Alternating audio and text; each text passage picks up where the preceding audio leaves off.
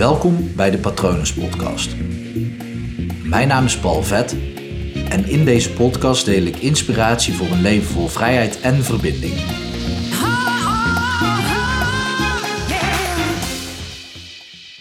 Het leven gaat wel over rozen. Soms sta je in bloei, soms heb je het idee dat je aan het verwelken bent en soms word je geprikt door de doornen. Toen ik elf jaar geleden, zoiets is het ik weet niet meer precies. Tenminste, ik weet wel precies wat er gebeurde, maar ik weet de exacte tijd niet wanneer het gebeurde. Zo'n elf jaar geleden. En ik weet nog dat het heel erg lekker met me ging. Ik was nog niet op een gezond gewicht. Echt lang geleden woog ik echt 120 kilo. Maar ik was echt wel flink al afgevallen. Ik uh, sportte veel. Op dat moment mountainbikte ik heel veel. Heel vaak in de bossen hier, uh, hier in Breda, of tenminste nabij Breda, bij Dorst, heb je heel vet mountainbike parcours. Ik ging lekker mountainbiken, dus dat ging allemaal goed. Ik zat lekker in mijn vel. De carrière die ik als DJ najoeg, die, die liep op rolletjes. Ik had een paar platen al uitgebracht en ja, dat weekend had ik volgens mij weer toffe optreden staan. Uh, of dat het nou in een toffe club als Escape was, of in de Palladio in Helden, of gewoon met artiesten als Afrojack of Funkerman of Hardwell. Dat weet ik niet meer, maar ik zat echt, echt in die fijne, fijne vibe. Eigenlijk gewoon nul zorgen. Totdat ik opeens dat telefoontje kreeg van mijn moeder. Dat er plekjes bij haar waren gevonden. En dat ze naar het ziekenhuis moest voor een biopsie. En dan een week later of iets dergelijks de uitslag zou krijgen. Ja, ik ben met haar meegegaan naar het ziekenhuis en het was kwaadaardig. Dus ik zat eerst heel erg lekker in, de vel, in mijn vel. En maakte heel veel toffe dingen mee. Ik had ook het gevoel dat ik echt lekker op weg was naar nog mooiere dingen.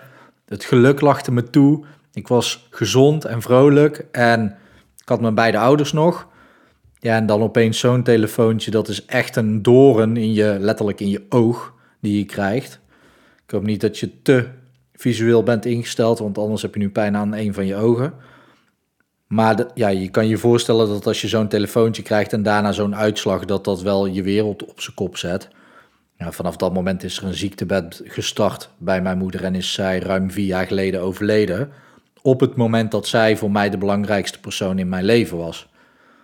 En dat is echt een van die doornen die het leven jou gewoon gaat geven. Het leven gaat je sowieso doodgeven, van jezelf, maar ook van dierbaren van je. Daar kan je niks aan veranderen. Maar wat je wel kan doen, is ook te zien dat je ook die momenten van bloei hebt.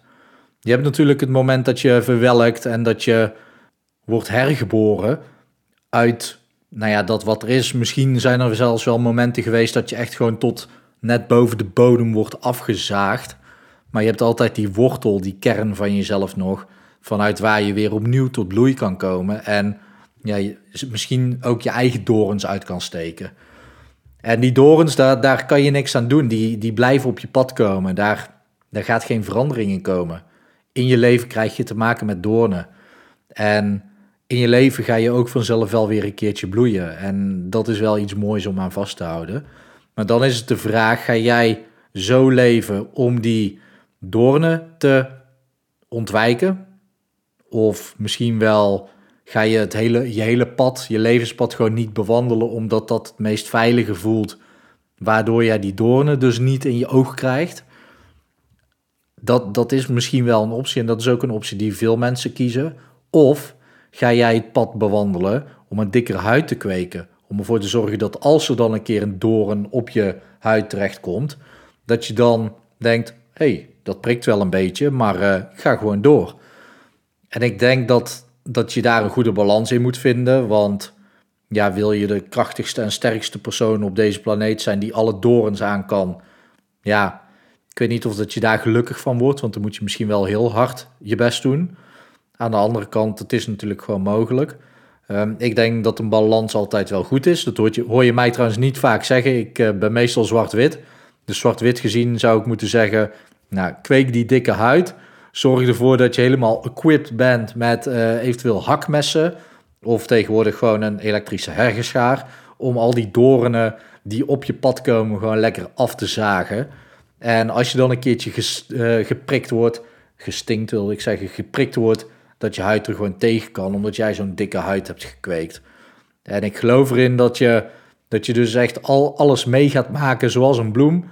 Dus je wordt geboren, je wordt herboren, je verwelkt, je wordt geprikt en je staat in bloei. En eh, de ene keer heb je zonneschijn nodig en dan heb je weer regen nodig, want ook door regen kan je weer uiteindelijk tot bloei komen.